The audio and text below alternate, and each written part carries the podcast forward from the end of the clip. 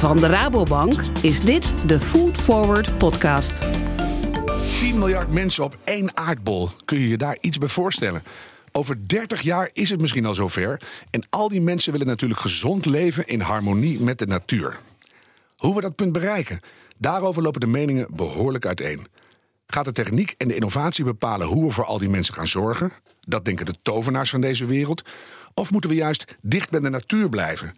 Dat vinden de profeten. In deze aflevering duik ik dieper in de rol die vlees speelt in de verduurzaming van de aarde. De profeten en de tovenaars denken daar namelijk fundamenteel anders over.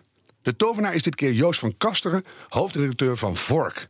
Vork is een platform met een missie, naar eigen zeggen het duiden van meningen, stellingen en standpunten en op metaniveau het signaleren van ontwikkelingen in het debat over voedsel. Je raakt je stikstof, zoveel stikstof kwijt dat ik. Ja, je kan proberen om die kringloop te sluiten. Maar die lekverliezen zijn nu nog zo groot. dat ik denk we, moeten eigenlijk veel meer inzetten op een efficiëntere landbouw. Mijn idee zou zijn: is we gaan die, uh, die hoogproductieve landbouw concentreren we op uh, die 1 miljoen hectare. Dan zou je in principe een miljoen hectare overhouden om echte robuuste natuurgebieden te maken. En dan ook de natuur aan zijn lot overlaten. Hè? Ik zeg wel eens, je moet, als je vlees wil eten, moet je eigenlijk mensen examen afnemen dat ze een keer een kip slachten of kijken hoe een koe geslacht wordt. En de profeet komt uit Wageningen. Zijn naam is Martin Scholten en bij de universiteit is hij, let op, directeur Animal Sciences, Livestock, Bioveterinary en Marine Research. Juist dat verlies van stikstof is de reden om naar kringlooplandbouw over te gaan. Dat is geen op en zien landschap terug naar het verleden. Ik, ik bestrijd ook dat van, uh, nou ja, dan is er ook nog wel ergens plek voor een leuke, uh, romantische uh, landbouwrenaissance. nou, daar zit niemand op te wachten. Ik, ik kan me heel goed voorstellen dat je zegt van, ik wil minder vlees eten, ik wil minder dierlijke productie eten vanuit een moreel-ethisch perspectief. Hè. Maar het, het, het, het gezegde daarbij dat we daarmee de planeet redden, is, is gewoon Martin. niet waar. Allebei zo te horen een flinke vork vol. En ik ben Harm Edens en het zal mij benieuwen, en hopelijk jou ook, of ik de tovenaar en de profeet deze keer wat dichter bij elkaar kan brengen. Heren, als je in deze tijd niet op zijn minst een flexitariër bent, dan moet je je bijna gaan schamen. Dus eh, zullen we beginnen met ons eigen bord? Ik ben er al zo'n beetje mee opgehouden, maar hoe vaak eten jullie vlees en welke afwegingen hebben jullie daarbij gemaakt? Uh, ik eet uh, bijna iedere dag wel vlees. Ja. Ik denk dat ik ongeveer op het gemiddelde van de Nederlander zit, met 120 gram per dag. En uh, nou, er zijn verschillende afwegingen mogelijk. De eerste afweging is, uh, is eigenlijk een morele. Hè? Hoe, hoe, hoe, kijk je tegen dieren aan? Zijn het gebruiksvoorwerpen of zijn het uh, medelotgenoten op deze aarde? Mm -hmm. Nou, ik zit er een beetje tussenin. En waar heb je die mening vandaan gehaald, Joost? Is dat een proces dat je denkt door de ja, jaren heen ontwikkeld? Door de jaren heen. En er zijn ook zeg maar, allerlei ethische verhandelingen over geschreven. Welk, wat voor soort posities je in kan nemen ten opzichte van het dier. Mhm. Mm -hmm. En de, nou, ik denk dat ik net als de meeste mensen er een beetje tussenin zit. Het is geen gebruiksvoorwerp. Het zijn, uh, zijn, zijn wezens die pijn kunnen lijden, die kunnen voelen. Daar moet je met respect mee omgaan. Maar je mag ze wel houden. En je mag ze wel ook op een nette manier, niet zoals tegenwoordig in de varkensslachterij, vrees ik. Maar op een nette manier doodmaken en opeten. Ja, Martin? Ja, ik ben een uh, vleesliefhebber. Uh, dus er ligt regelmatig vlees op mijn bord. Maar daar moet ik er wel tijd voor hebben. Dat is, dat is het criterium. Geen tijd, geen vlees. Geen tijd, geen vlees. Want ik hou niet van uh, half gefabriceerd vlees, uh, snel vlees, anoniem vlees. Dan hoeft het voor mij ook niet. Dus ik haal mijn vlees bij een uh, lokale slager die dat ook weer haalt bij een, bij een boer. Die, ja, ook, ook het verhaal erbij. Ik, ik, ik weet waar het vandaan komt. En stuk voor stuk vrijwillig geëuthanaseerde dieren. Uh, nee, nee, nee. Dat nee, dan weer niet. Nee, nee, nee, nee. nee. Maar uh, ja, ik, en, en, en dan gaat het ook om het stukje vlees. Dus ik, ik, ik kom ook uit een slagersfamilie. Dus, dus voor mij is, uh, is, is, is een stuk van, van het dier is ook, ook, ook het vlees. En, en dat wil ik ook als zodanig herkennen, proeven en, en, en ook van genieten. En als, als die tijd er niet is. Uh, geen vlees. Nee, maar bijvoorbeeld dingen als soepballetjes en zo... die zijn tegenwoordig bijna al vegetarisch of plantaardig. Nou, zelfs mijn soepballetjes komen bij de lokale ja, lakenvelder vandaan. Dat hoeft vaak helemaal niet eens, want je proeft het dan toch niet meer. Dus ik, ik snap je punt. Uh, ik maar hoe kan het, het aan het begin van een gesprek over vlees in, in de toekomst... als we het zo kunnen, kunnen aanduiden... dat beide, zowel de, de, de profeten als de tovenaars... alle twee gewoon nog steeds vlees eten? Ja, Nou ja, het hangt niet over de rand van het bord. Hè? Net als die T-bone steaks in de Verenigde Staten. Ik bedoel, het zijn redelijk bescheiden hoeveelheden. En ik denk dat. Uh, nou ja, vlees is toch wel belangrijk voor je, voor je, voor je gezondheid. Minimaal. Als je 20 gram per dag hebt, is genoeg, geloof ik. Ja, precies. Maar goed, het leven moet ook een beetje leuk zijn. We zullen het even nog proberen iets verder uit elkaar te trekken. Hè? Want als je tegenwoordig kijkt naar de, de heersende meningen, ook de wetenschappelijke, dan is het volgens mij een alomgedeeld standpunt dat minder vlees eten wel degelijk beter is voor een goed milieu. En de ene kant is het een inefficiënte manier van voedselproductie. 7 kilo plantaardig materiaal voor 1 kilo vlees, grofweg. En uh, methaan uit de koeien, een, een heftig broeikasgas. En dan zeggen jullie alle twee nog: nee, maar vlees eten is geen probleem. Wil ik toch even ja, twee jullie standpunt over Joost. Ik, oh. Ja, eerst Joost en dan mag jij, Martin. nou ja, de, de, de, de, de, het effect op het milieu, dat is inderdaad een, een, een probleem. Uh, uh, maar uh, zeg maar vanuit een... Zeg, ja, ik, ik ben ook bestuurslid van de stichting Ecomodernisten. En vanuit een ecomodernistisch standpunt zeggen we... niet zo snel dat we minder moeten... Mm -hmm. maar dat we het beter moeten doen. Dus we moeten beter produceren. En dat kan ook. Ik bedoel, eh, als je kijkt naar bijvoorbeeld uh, India, daar wordt, uh, die produceren ongeveer evenveel melk als Nederland. Ja. Met, met koeien en buffels. Maar wij hebben maar uh, of als Europa, moet ik zeggen. Niet even. Nederland wel heel veel. Heel ja. goed, ja. ja maar 125 miljard liter is wel heel veel. Maar die, die, die, die koeien daar die produceren 1300 liter per jaar. En bij ons 7000 liter per jaar in Europa. Dus we hebben vijfmaal minder koeien nodig om eenzelfde hoeveelheid melk te produceren. En als ik dan kijk naar de wereld en aan het aantal mensen dat nog ondervoed is, dat gebrek heeft aan ijzer, aan vitamine en gewoon honger heeft, dan denk ik dat vlees nog een hele tijd bij ons zal blijven. Ja, dat, omdat we gewend zijn dat als we beter met ons gaat, dat we dan vlees gaan eten. Maar je zou, als je uh, echt met een toekomstperspectief te lijf gaat, zou je ook kunnen zeggen: we kunnen die mensen ook voeden met dingen die, die geen vlees zijn. Ja, dat, die, die trend zit eraan te komen. Dat vind ik wel. En dat is ook. Eh, dat vind ik, ik weet niet of je nou. Ja, of dat allemaal gelijktijdig of achter elkaar of achtereenvolgens. Maar wat je nu ziet is bijvoorbeeld een ontwikkeling. En dat vind ik wel heel interessant. Dat uh, de, bijvoorbeeld melkeiwitten. die kunnen nu nog niet helemaal tegen kostprijs gemaakt worden door bacteriën micro-organismen. Zijn ze mee bezig in de metalen koe? Nee, ja, metalen koe. Je kan kaas maken. Uh, maar in ieder geval, eigenlijk is het zo dat je dus gewoon uh, met, met precisiefermentatie, zeggen ze dan. Hè, dus mm -hmm. in grote bakken met uh, toevoeging van, van, van grondstoffen kan je dus gewoon melkeiwit maken. En wat er dan gebeurt is dat die melkeiwitten, die zijn vooral bedoeld voor de voedingsmiddelenindustrie. Ja.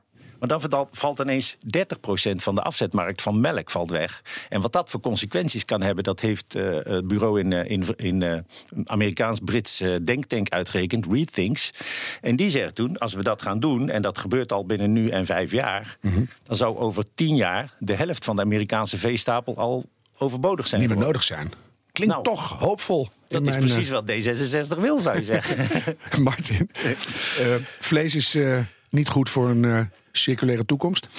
Uh, er is geen circulaire toekomst zonder uh, dieren. En, en, en, en dus ook zonder vlees. Moet het alleen wel slimmer doen. Hè? Dus uh, eigenlijk moeten we de dieren niet uit het systeem halen, maar in het totale voedselsysteem zien, geïntegreerd in dat voedselsysteem.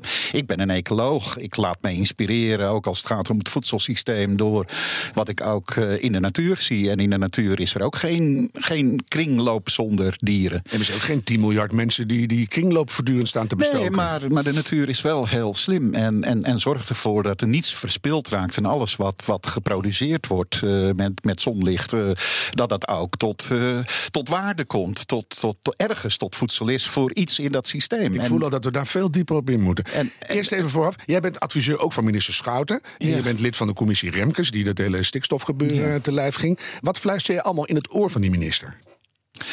Dat we een, een inter, als, als we naar de toekomst kijken dat mm -hmm. we, en ons voedselsysteem, dat we dat op een integrale manier moeten beschouwen. En niet uh, van probleem naar probleem, maar juist naar, uh, naar de kans. Uh, dat we, als we dicht bij de natuur blijven. Uh, dicht bij uh, dat soort processen blijven. Dat we uh, de akkerbouw, dus de plantaardige productie en, en, en, en de dierlijke productie, de veehouderij, goed op elkaar laten aanschakelen. Dat we het, het systeem niet verpesten met ja, importen van kunstmest of, of, of overmatig gespecialiseerde diervoeders. Mm -hmm. Maar verder kijken dan ons neus lang is. Dus breder kijken naar de grondstoffen. diermest is de beste bemesting voor een akker. Dus waarom zou je kunstmest gebruiken? Dat heb ik nooit begrepen hoor. Eh, er, er wordt zoveel plantaardig materiaal geproduceerd. We hebben zoveel biomassa in de wereld. En maar een heel klein deel daarvan, dat voeren we aan onze dieren. Terwijl Ja. de dieren 10.000 jaar geleden juist waren geselecteerd om onze reststromen eh, eh, zeg maar, tot voedsel op te Ja, waarderen. daarom wilden we ze zo graag in onze achtertuin hebben. Dus wat ik zou aangeven is een integrale benadering. Nu niet met, met, met paniekvoetbal stikstof aangaan. en dan vanmorgen weer de klimaat. En dan eh, gisteren weer de fosfaat. En dan overmorgen weer eh, de waterkwaliteit. Integraal. En kringloop kan ontzettend helpen. Omdat eigenlijk de kern van het probleem is. Op het moment dat wij heel efficiënt met onze grondstoffen omgaan. En alles tot in het voedselsysteem, tot voedsel ook proberen te maken dat we dan ook geen verspilling hebben. En met verspillingen ook geen milieuoverlast hebben. Ik kom zo bij Joost, want die zit aandachtig te luisteren. Die vindt daar vast het zijn ervan. Maar Martin, nog even, schets dan voor mij eens een, een totaalbeeld waar we uitkomen. Hoe ziet zo'n zo'n eh, geïntegreerde kringlooplandbouw er dan uit, waar we niks verspillen? Heel divers. Eigenlijk ten opzichte van het eh, eh, voedselsysteem, het landbouwsysteem nu is, is toch eigenlijk heel monotoon, heel, heel gelijkmatig, grootschalig in, in termen van. Ja, we hadden de technologie om, om, om het vooral zeg maar op die manier in te richten. Eh, en de toekomst zie ik als een veel meer divers geschakeerd eh, landbouw. Die eh, op de ene plek er anders uitziet dan op de andere plek. Naadloos aansluit op de omgeving. En eh, ja, de fijnmazige technologie die we tegenwoordig voorhanden hebben. Dat die daar, daar ook een handje bij, bij helpt. Maar Mag je het- iets preciezer inkkleuren? hè? Want naadloos Nou ja, aansluiten, denk ik, dat vind ik een Nou, mooie flaptekst voor een foldertje. Maar Ah, Oké. Nou ja, eh, nee, nee, met grasland waar de, waar de koeien op grazen. Mhm. Er wordt wel gezegd landschappijn, monotone biljartlaken van Engels rijgras. Ja, ik denk dat het ook zeker anders kan. Eh, Maar hoe dan? Want dan hoor je die boer alweer. Dat hebben we nodig voor optimale Ja, melkkwaliteit. ja, ja, maar geen, geen ruimte voor eh, ja, om ja. kruidjes Maar ik- en ik- ik- klavertjes. Ik, denk dat de basis is voor het omdenken. Juist eh, ook in een divers geschakeerde grasland kun je koeien houden. Eigenlijk misschien ook nog wel beter. Want ja, hoe, hoe meer soorten erop, grassoorten en kruidensoorten erop een vierkante meter staan, hoe hoger de productiviteit is. We kunnen ook die koeien eh, zelf eh, zeg maar daar naartoe eh, eh, zorgen dat ze dat, dat gras ook, ook opeten. Die- Even voor mij, hè. Want de boeren zeggen juist helemaal niet divers, zoveel mogelijk raaigras, want Ja. dat is de hoogste opbrengst. Ja, gelukkig niet zeggen niet alle boeren dat. En gelukkig zijn er ook steeds meer boeren die, die daar ook anders naar kijken, ervaring ook op doen. En dan blijkt het ook allemaal niet zo zwart als het altijd geschetst is. ik, ben- ik, ik, ik, ik, geef, ik, ik, ik ben onderdeel van een Wageningen Universiteit van wetenschappers. En wij hebben denk ik ook 60 jaar lang in die eh, gedachten gezeten. Als we het nu allemaal maar eh, mm, eenvormiger maken, dan kan het efficiënter. En als het efficiënter is, dan is het ook veel beter. Maken we meer efficiënt, min, minder milieudruk. Maar uiteindelijk is dat, is dat niet zo. Dus En nu dat eindplaatje van jou. Je zegt het ziet er divers uit op verschillende plekken. En het gaat naadloos over in andere landschappen. Ja. Wat, wat voor landbouw krijgen we? Ja, dat betekent dat landbouw in vlakbij natuurgebieden er anders uitziet dan een landbouw vlakbij stedelijke gebieden. En hoe precies? Eh, bij de stedelijke gebieden is het aangesloten bij, eh, bij de stad en de kringlopen die de stad biedt. eh, dicht bij de consument. Dus dat betekent dat je daar ook eh, ja, in slowfoodachtige termen producten kunt, eh, kunt maken. Ook dicht bij de, eh, bij de reststromen. eh, eh, voedselverspilling. Maar ik hoor bij al die andere profeten en, en tovenaars in deze podcastserie... dat ze meer, hoe dichter we bij die eh, stedelijke bebouwing komen... dan komen de varkensflats en kippenflats en slaaflats... en dat wordt het allemaal Nee, nee, nee, industrieel nee, geclusterd. hoe zie nee, jij dat? Nee, zo zie ik dat niet. Want het moet wel blijven aansluiten bij eh, ook die stad. eh, op de andere plek op, op die natuur. Dat, dat leidt tot verschillen. Een, een, een, een landbouw in een, in een veenweidegebied is anders dan op een zandgrondgebied. Dat, dat uniforme zullen we verliezen. En die diversiteit die maakt ook de kracht. Die maakt ook de kracht en de aantrekkelijkheid van het, eh, van het product. Ik kom bijna bij Joost, maar ik zie nog steeds niet precies wat het nou op gaat leveren. Probeer het eens iets duidelijker aan te geven als het lukt. Ehm, nou, wat het op gaat leveren voor de boer. Als, als je, je bedoelt in termen van verdienvermogen? Nee, maar gewoon concreet. Wat zie ik? Ik zie hier en daar wat eh, extensieve uh, landbouwvelden nou, met wat koeien. En wat zie ik bij die steden? Bij die steden zie je uh, inderdaad kippen, varkens. dat, dat is eigenlijk de kern van de veehouderij. Maar die lopen in de stad, die varkens? Nee, die lopen niet in de stad. Die zitten in ieder geval buiten de stad. Maar hoe en waar? Want in de stad willen we niet. Nee, niet. want veel mensen, veel dieren bij elkaar is vraag om ellende. Scholen aan, de, aan de corona. Nee, dus, dus rondom de stad. Maar dat kan op een hele goede manier. Uh, in ieder geval diervriendelijk. Hè? Dus, dus dat is ook het uitgangspunt. zet het dier in zijn waarde. Ook in zijn waarde als kringloopdier. Kijk, wat, wat die varkensflats. die worden ook geassocieerd met hoogproductieve rassen. Die eigenlijk helemaal niet meer anders kunnen dan super gespecialiseerde diervoeders. want anders worden ze ziek.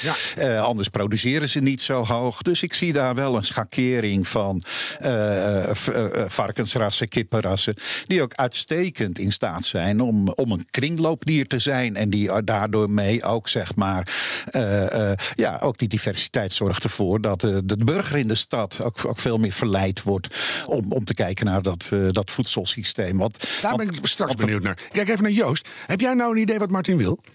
Uh, ja. ik heb het gevoel dat hij het nog een beetje om, omheen borduurt. ja, daarom. Maar dat is een beetje het probleem met kringlooplandbouw. Dat je het op zoveel manieren in kan vullen. Dat eh, ja, iedereen ziet er wat anders in. Hè? De biologische boeren staan te juichen, maar ook de hoogproductieve boeren staan te juichen. Wat denk jij dat hij bedoelt? Wat denk ik? Ik denk dat hij toch een beetje, naar mijn idee, een beetje te romantisch beeld heeft van het boerenbedrijf en van de manier waarop we voedsel produceren. Mhm. En als, als we dat idee van die kringlooplandbouw bijvoorbeeld uh, in Nederland zouden uitrollen, dan moet je er rekening mee houden. Dat komt niet van mij, maar dat komt van Dirk Strijker. Dat, uh, dat de inkomsten van de boeren, of de opbrengsten van de boeren met zo'n 30, 25 à 30 procent gaan dalen. Wie is Dirk Strijker? Dat is een, uh, een plattelandseconoom uit Groningen. Klinkt heel betrouwbaar. ja. De Mansholt-leerstoel oh, ja. had hij. Ja, mm -hmm. kijk, dat, dat zegt al wat meer misschien. Ja. Maar goed, hij, uh, en, en dat, als je met natuur inclusief en, en kring, dat is. Ik vind, het, ik vind dat zo eigenlijk zo tegenstrijdig met, met, met laten we zeggen, de modernere aanpak die, die ik voorsta. Want Ja, want laten we daar eens even naartoe gaan. Jij hebt niet dat luisterend oor van de minister, dus jij, nee. jij zit er anders in. Wat zou jij haar adviseren, mocht ze luisteren? Ik, nou, de, ja, wat, mocht ze luisteren, zou ik haar adviseren om uh, de, de, de, de, de kringlooplandbouw uh, niet helemaal te verlaten. Maar ik zou zeggen, probeer de, de landbouw te concentreren op de meest goede gronden. Mhm. Dan heb je de hoogste opbrengsten met de minste milieueffecten. Die, die milieueffecten kan je nog verder omlaag brengen door allerlei slimme technieken. Ik denk dat je, ik ben het absoluut niet eens met Martin als hij zegt dat we geen kunstmest nodig hebben. We hebben kunstmest hartstikke hard nodig, want zonder kunstmest. Kijk, als we onze landbouwproductie afhankelijk maken van de natuurlijke stikstofkringloop, hè, mhm. dus biologische stikstofbinding dan, uh, dan hebben we de wereldwijd niet voldoende voedsel voor de 10 miljard. Sterker nog, dan zouden nu al 3 miljard mensen honger lijden. Maar als we alleen eens even naar Nederland kijken. Ik heb hier wel eens experts in de studio gehad die zeiden... als we die mest integraal terugrekenen in het kringloopsysteem, kan makkelijk. Ja, maar dat is natuurlijk ook een eindig, eindig proces. Want Weet die... Die beesten blijven maar poepen. we halen heel veel, heel veel van die nutriënten die in de mest zitten... halen we nu uit, uit eh, Brazilië en uit de Verenigde Staten. Mhm. Dus als die stroom ophoudt, als die Brazilianen zelf varkens gaan fokken... en kippen gaan fokken, ja, dan weet ik het nog zo net niet. Ik zie wel kringloopboeren in Nederland... maar dat zijn eigenlijk allemaal melkveebedrijven. Want daar kan het zelfs daar kan het niet helemaal uit zonder opbrengstverlies. Ja, ja, dus die, die, kringloop krijg je wat dat betreft qua, nee, want qua moleculen krijg je ze niet gesloten. Om het nee, maar op dat je verliest de helft van de, de stikstof. 30, nou, iets minder, zeg maar 30, 40 procent van de stikstof verlies je onderweg. Van de mest en van de kunstmest. Dus stikstof dat... verliezen klinkt in deze tijd als iets heel goeds. Hè? Dat je ja, maar dat lekt weg als ja. ammoniak. Kijk, dat is natuurlijk eh, als ammoniak in de lucht en als nitraat in het grondwater. Je raakt je stikstof, zoveel stikstof kwijt dat ik ja, je kan proberen om die kringloop te sluiten. Maar die lekverliezen zijn nu nog zo groot. dat ik denk, we, moeten eigenlijk veel meer inzetten op een efficiëntere landbouw. Kan je dat uh, even schetsen? Want dan wil ik daarna de reactie van Martin daarom. Ja, dat, nou, dat kan ik wel schetsen. Wat, ik, wat zien we in 2040? 50. 50. Moet niet te snel gaan. Moet niet nee, te snel gaan. Dan zijn we allemaal dood. Maar goed, ja, dan, gelukkig. Dan, gelukkig. zijn we niet meer voor verantwoordelijk. ja. Maar goed, wat, wat zien we uiteindelijk? Uiteindelijk zien wij een, een, een, een, een vrij hoogproductieve landbouw landbouw in een strook die loopt van Zuidwest-Nederland, Zuidwestelijk kleigebied, hè? dus Zeeland, West-Brabant. Daar kom je eh, vandaan oorspronkelijk ook. ja, Dus- die, ook komt vandaan. Vruchtbare grond, heel goed. En die loopt eh, het rivierkleigebied, hè, de grote rivieren, Flevopolder, Groningen, zo'n strook. Daar heb je dus een, een, eh, eigenlijk, dat is de meest vruchtbare grond. Zeg maar de Bible Belt. Ja, zo En dan groter. Ja, Ja. ja. Die is ook in andere opzichten vruchtbaar. ja, maar in ieder geval, die, eh, eh, daar, daar zit dus de, de hoogproductieve landbouw. Daar zijn allerlei maatregelen genomen om de milieueffecten zo klein mogelijk te maken. Er zijn ook maatregelen, landschappelijke maatregelen genomen. Want ik begrijp niet waarom een stal of noem eens wat, een distributiecentrum. Waarom daar geen architect bij komt die daar iets moois van maakt? Nou, dat even geheel terzijde, maar dat ben ik helemaal met je eens. Ja. Van de simpelste stal tot de grootste distributiecentrum, geen architect die zijn vingers eraan brandt. Dat kan misschien ook verzonken in de grond of met, Ja, veel met, mooier, met, met, met landschapswallen, dat je dat gewoon allemaal niet meer ziet. Er is een prachtige. Ik zag laatst een plaatje van een, een, een- een, een hele grote hal in, in Noorwegen. In de vorm van een bultrug. En die ligt zo prachtig in het landschap. Daar komen gewoon bussen op af. Ja, kijk, zo kan het ook. Zo kan het ook. Maar dan, dan zitten we in 2050. Kan, kan je beschrijven wat we dan zien in Nederland? Waar zitten die dieren? Waar, waar zijn de graanvelden? Waar de- groeit het mais? Ja, nou, de, de, de, de, varkens en kippen zitten zo dicht mogelijk bij de stad. In agroproductieparken. In combinatie met groenteteelt, fruitteelt, zacht fruitteelt. Een soort eh, vlees-industriegebieden. Nou, niet alleen vlees, ook, eh, ook eh, groente en eh, fruit. Dat zijn dus producten die je graag zo vers mogelijk in de stad hebt. En Mhm. waar je dus, en daar ben ik met Martin eens, waar je ook gebruik kan maken van de reststromen uit de stad. Ja. Dan kan je dus heel goed, die agroproductieparken, die worden nu in, in China ontwikkeld. Dat zijn niet alleen kale varkensflats, maar daar kunnen dus allerlei andere producten geteeld worden. Dan heb je dus die strook vruchtbare grond voor nou ja, ik weet niet hoe lang we dat volhouden. Maar ik denk voor een deel eh, van die volle grondsgroenten... Hè, die eh, spitskolen en rode kolen Aardappelen. en eh, aardappelen. Ja, uiteindelijk aardappelen, uien, dat soort producten. Ik denk dat daar we granen van wat verder weg zullen komen. Omdat eh, Nederlands, ja, Nederlands graan is niet zo heel erg goed als Martens graan. Dus dat moet je dan niet meer doen. Gewoon alleen waar je echt goed in bent gaan we doen. Ja. En dan de veehouderij, dat, de, de, de melkveehouderij, hè, de rundveehouderij. Ik denk dat die toch eh, eh, erg eh, terug zal lopen, zonder dat af te dwingen. Maar dat, kijk bijvoorbeeld in die veenweidegebieden, dat zijn nu eigenlijk wel heel productieve gebieden. Maar ik weet niet hoe lang je daarmee door kan gaan. en waar ligt dat dan aan de grondwaterstanden? de grondwaterstandverlaging en dan het, het CO2 vrijkomen uit de lucht, indikken, enzovoort, enzovoort. Dus, de- dus ik weet niet hoe, hoe. Er zijn natuurlijk allerlei trucs voor om dat proces zo lang mogelijk uit te stellen. Maar ik denk over 30 jaar dat we zullen zeggen: ja, we moeten dat misschien toch niet doen. Net Mhm. zo min trouwens als we eh, woningwijken moeten gaan bouwen in, in die diepe polders. Want eh, We moeten jullie nog veel vaker uitnodigen. We moeten überhaupt geen woningwijken meer op, op nieuwe Maar grond zetten. om een verhaal af Ja. te maken. Dus je hebt, eh, nu heb, Nederland is er pak een beetje 4 miljoen hectare. We, we hebben ongeveer 2 miljoen hectare landbouwgrond, 1 miljoen hectare akkerbouw, heel grofstoffelijk, 1 miljoen veeteeltgras, zeg Mhm. maar. We- we- wat, wat mijn idee zou zijn, is we gaan die, eh, die hoogproductieve landbouw concentreren we op eh, die 1 miljoen hectare.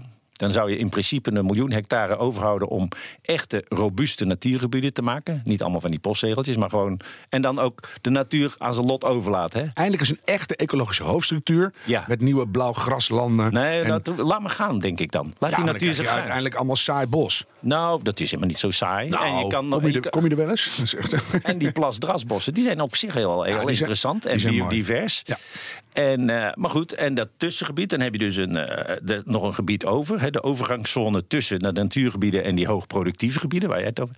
Daar zou je dus inderdaad eh, het, het, het eh, eh, eh, landbouw, het landschap van rond 1900 kunnen creëren. Ook gewoon leuk en Leuk, deels aardig. productief. En ik kan niet zonder een coulissenlandschap en een koe hier en daar hoor. Precies, met koeien. Met, en, en dat zou goed zijn voor de biologische landbouw, voor zorglandbouw, voor recreatie enzovoort. enzovoort. Ja, dus dat is een beetje het plaatje. Een, een heel kloppend, mooi, uitgebalanceerd toekomstidee. Ja, ja, ja, er zitten toch wel een aantal punten bij waar ik denk van eh, oei, oei, oei, waar ik moet ik jou beginnen? Waar in je moet ik hoofd, beginnen? Laten we maar eens beginnen met die kunstmest en dat dat nodig is. Ja.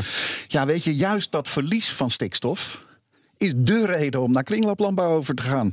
Wij hebben zoveel gewasresten die we niet hergebruiken in het voedselsysteem. Voedselresten, diermest, uh, uh, humane mest, niet te vergeten. Maar even tussendoor. Eigenlijk, eigenlijk hebben wij voldoende, hè, dus de voldoende stikstof. Mm -hmm. Maar Joost zegt dat uiteindelijk, als je, dat, als je die cirkels op jouw manier gaat rondmaken, dan verlies je nee, dat Nee, nee, die cirkels moeten natuurlijk niet verliesgevend maar hoe zijn. doe je dat? En juist die verlies ligt in de onbenutte reststromen van biomassa. Dat is de, zoveel dat is zijn de er dat grootste niet, bron van. Dat is ontzettend veel, Joost. Daar, eh, we hebben veel meer biomassa in Nederland die we niet benutten.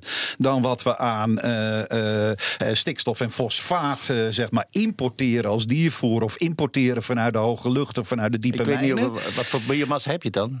Want die gewasresten die komen gewoon weer op het land. En die dierlijke mest komt voor een groot deel ook weer Ja, op maar het die land. gewasresten op het land is niet de beste mest die je kunt bedenken. Als je er niet een, een, een, een, een fermentatie tussen zet, een bokashi van maakt of, of, of wat dan ook, Mhm. dan is het gewoon de bron van, van de nutriëntenverlies. Als jij drijfmest op het land brengt, Ja. dan weet je dat er maar één ding gebeurt met die stikstof. Die gaat niet in die planten zitten, die, spoelt komt in het water, die spoelt uit en die komt in de lucht. En dan moeten we de kunstmest dus inderdaad bijvoegen om, om, om die plantenbehoeften Nee, te, te dienen. Ik denk dat we toe moeten naar, eh, en dat kan ook, naar een voeding van ons land, landbouwsysteem. met mest en met diervoer. eh, die, we, die we betrekken uit, eh, uit, uit reststromen. Dus dat, dat is eigenlijk Dat de is eerste. De, de ik, tweede- ik onthoud ze, Joost. Je mag straks helemaal... eh, Tweede begin, dan, dan hoor ik ja, die, die, die, die eh, toch wel in, in mijn beleving bedrijvenparken eh, voor veehouderij. Ik denk. en, en, en dat we die dan mooi aan de buitenkant architectonisch met, met, een, met een vogelhuisje en een vlinderhotelletje dan nog wel. Nee, maar ik, zit, ik, ik vind het toch een goed idee, Joost. Bij natuur kunt eh, brengen. Ja. Ik denk van. Joh, eh, eh, eh, zorg ervoor dat die veehouderij zichtbaar en transparant is. Dat je hem verweeft. Uiteindelijk gaat het in de ruimte die er is voor landbouw allemaal om omgevingskwaliteit.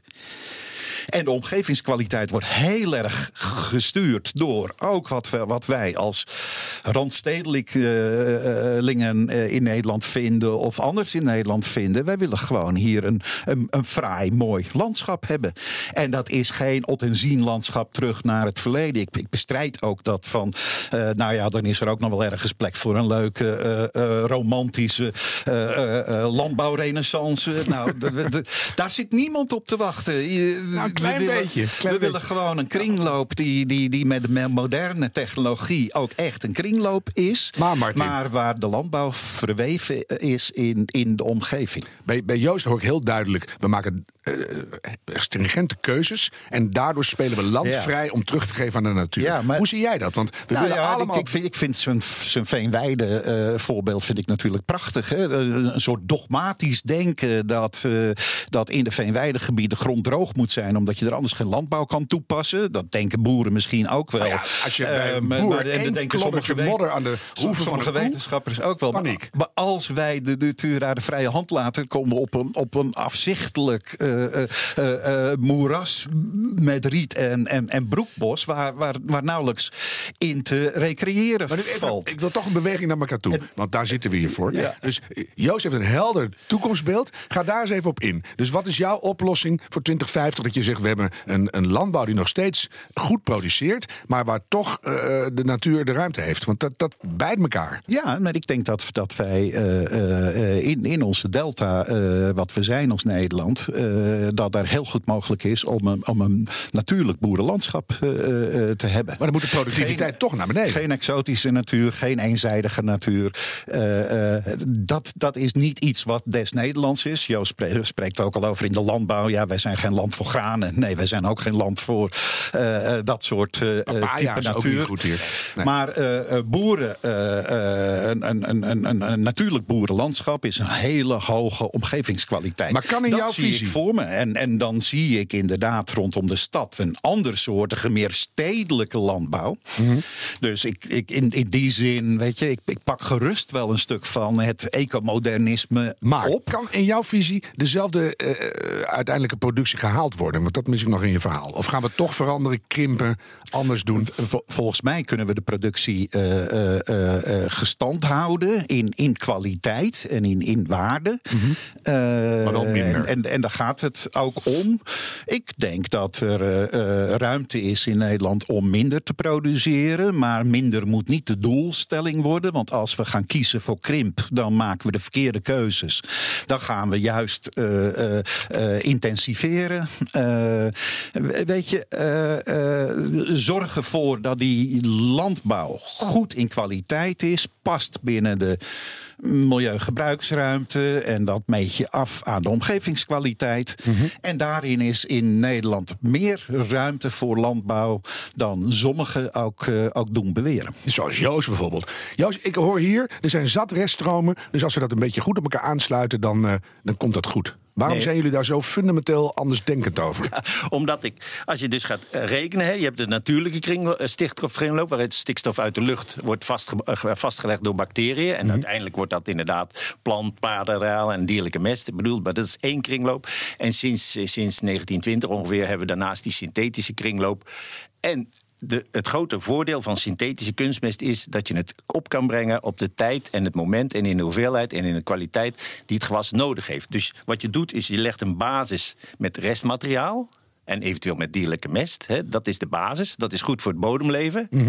Je verliest daar behoorlijk wat stikstof bij. Maar goed, je kan altijd die plant op het gewas, als die een groeispurt heeft. Hè, dat is net met kinderen, die hebben ook groeispurts. En een gewas hebben ook groeispurts. Als die een groeispurt heeft, dan, kan je wat extra. via bladbemesting kan je wat Maar stikstof nu even terug naar Martin. Die zegt, er zijn nog heel veel ongebruikte reststromen. En met nieuwe technieken kan je zorgen dat je dat stikstofverlies... en al die andere nutriënten gewoon behoudt in die keten. Ja, nou, dat geloof ik echt niet. Nee. Ik dus daar zit een verschil tussen Er zit echt een groot verschil tussen Dan het ons. tweede, in zo'n zo'n aanpak die Martin voorstaat... hou je vanuit de steden en zo ook contact met waar je voedsel vandaan komt. Hè? Ik ben altijd zo bang dat als je die varkens in flats gaat zetten... hoe leuk en, en, en mooi versierd met vogelhuisjes en vlinderhotels ook... Dat, dat mensen helemaal geen idee meer hebben waar het vandaan komt. Ja, maar dat bedoel ik dus ook. Die, die, die agroproductieparken, daar moet ook een architect bij. Om die toegankelijk, mede om die toegankelijkheid. Het worden soort dierentuinen. Bij wijze van. Er is een voorbeeld in, in Oost-Nederland bijvoorbeeld. Heb je een, eh, dat staat dan niet in de stad, maar eh, bij, in de buurt van Winswijk heb je een koeientuin. Ja. Hè, daar lopen die koeien tussen de bomen en de struiken. Maar en dan heb je ook een rusthuis voor gepensioneerde kan boerderijdieren. je ook koffie gaan drinken. En dat is dus een concept waarbij die koeien eigenlijk niet echt meer naar buiten hoeven. Mhm. Maar dat ze gewoon eh, voorzien worden van, van vers gras in, in, ja, in de tuin waar ze, waar ze zich Wel verblijven. buiten ook dus. Ja, nee, het is overdekt. Oh ja. ja maar het is, het is open aan alle kanten. Dus het is eigenlijk binnen, binnen buiten, buiten binnen. Ja, in ieder geval, dat, dat werkt. Eh, en to- zoiets kan ik me ook voorstellen bij zo'n agroproductiepark. Dat je er inderdaad... eh, eh, kijk, Winnie Maas van dat architectenbureau... In, eh, eh, waarvan ik de afkorting nooit kan onthouden. Maar die heeft dus voor, voor de Haagse Binkhorst... een aantal concepten ontwikkeld, 10 jaar, 15 jaar geleden. Ik denk van, nou, dat is mooi. Dan zien de mensen dus waar hun eten vandaan komt. Ja, maar dan, dan zit je wel te kijken naar je knuffelvarken... wat uiteindelijk in de, in de Ja. porkchops verdwijnt. Ja, maar dat is wel een punt. Als je vlees wil eten, moet je daar ook wel. zijn, we, zijn we niet meer gewend, hè?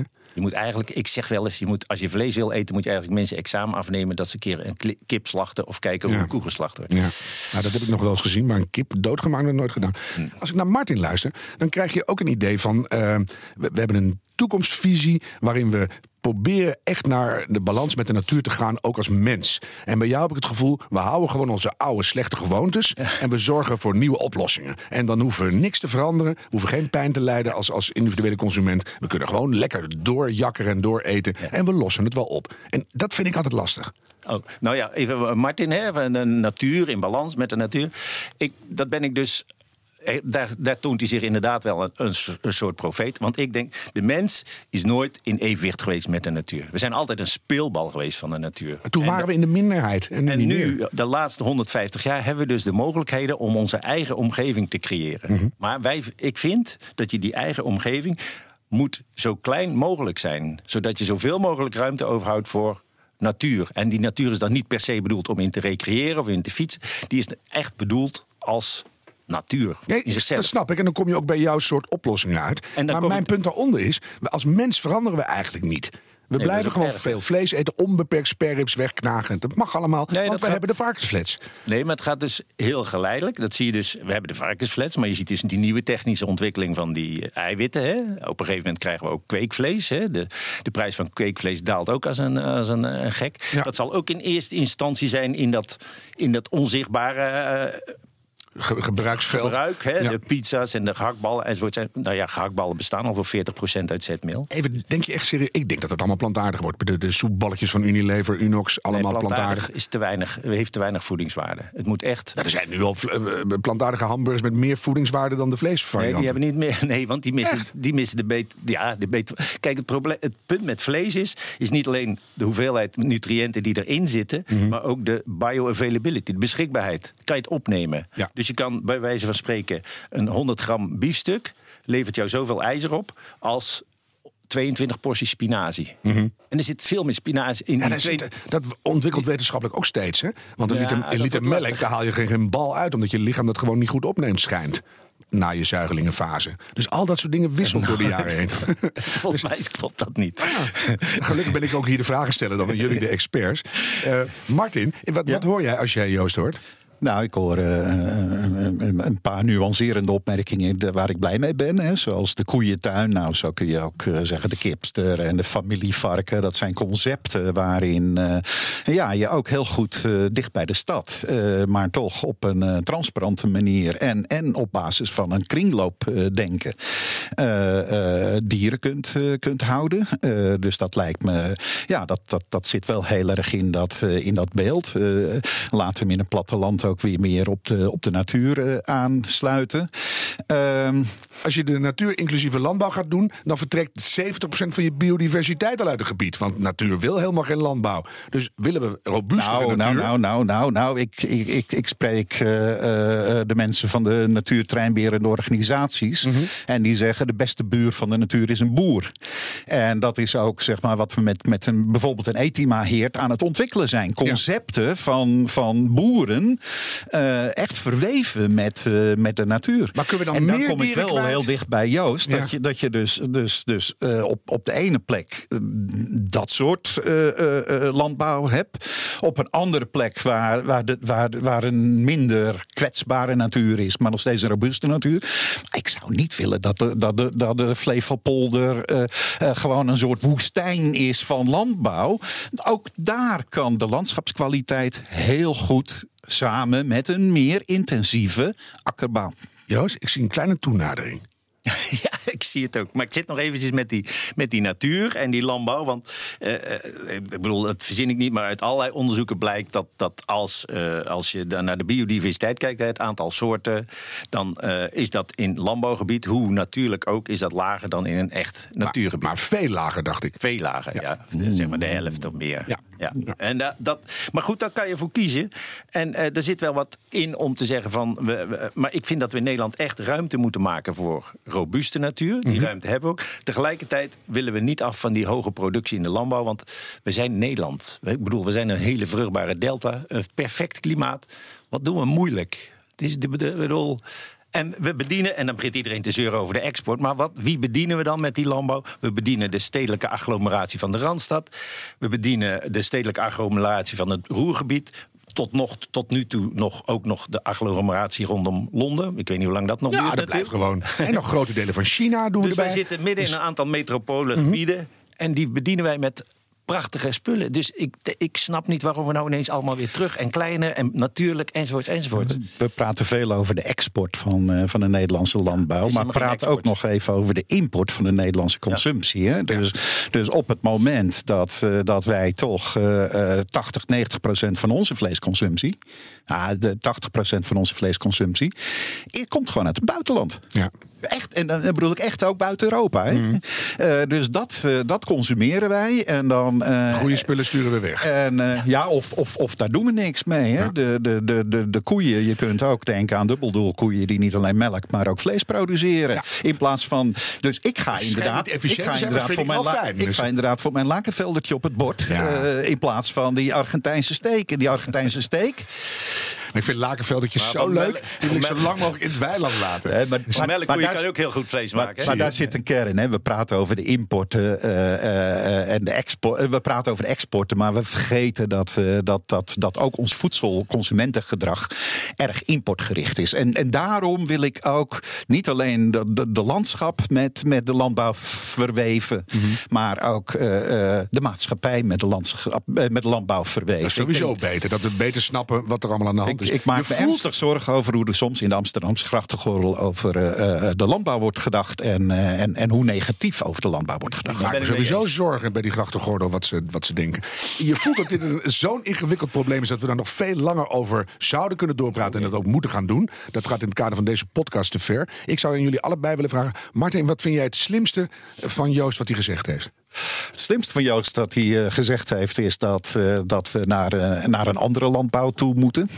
Eh, dus niet zonder meer wat we hebben koet koet eh, eh, behouden en, en dan maar met een hek eromheen. Dus dat, en, en de tweede vond ik toch ook wel ja, de beelden bij dan het ecomodernistische landbouw. Dat het toch ook wel met natuur verweven is en ook esthetisch. En ook zorgen vanuit de intrinsieke waarde van het, van het dier. Mooi.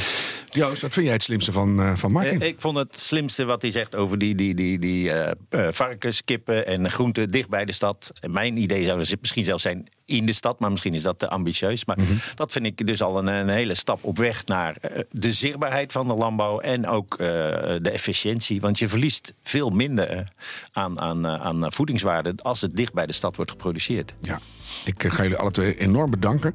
Eh, tovenaar Joost van Kasteren, hoofdredacteur van Fork. En dankjewel ook profeet Martin Schouten, directeur dierwetenschappen bij Wageningen University and Research. En wat moeten we hier nog eh, lang over doorkletsen? Dank ook voor het luisteren naar deze podcast over de voedselvoorziening van de toekomst. En er zijn nog meer afleveringen, dus wat houd je tegen? Je kunt deze podcast volgen door te zoeken op Food Forward NL. En voor de Engelstalige versie zoek je alleen op Food Forward. En kijk op rabobank.com als je meer wilt weten over Rabobank en hun kijk op het voedsel van de toekomst. Op naar een betere wereld? Stel je toch eens voor.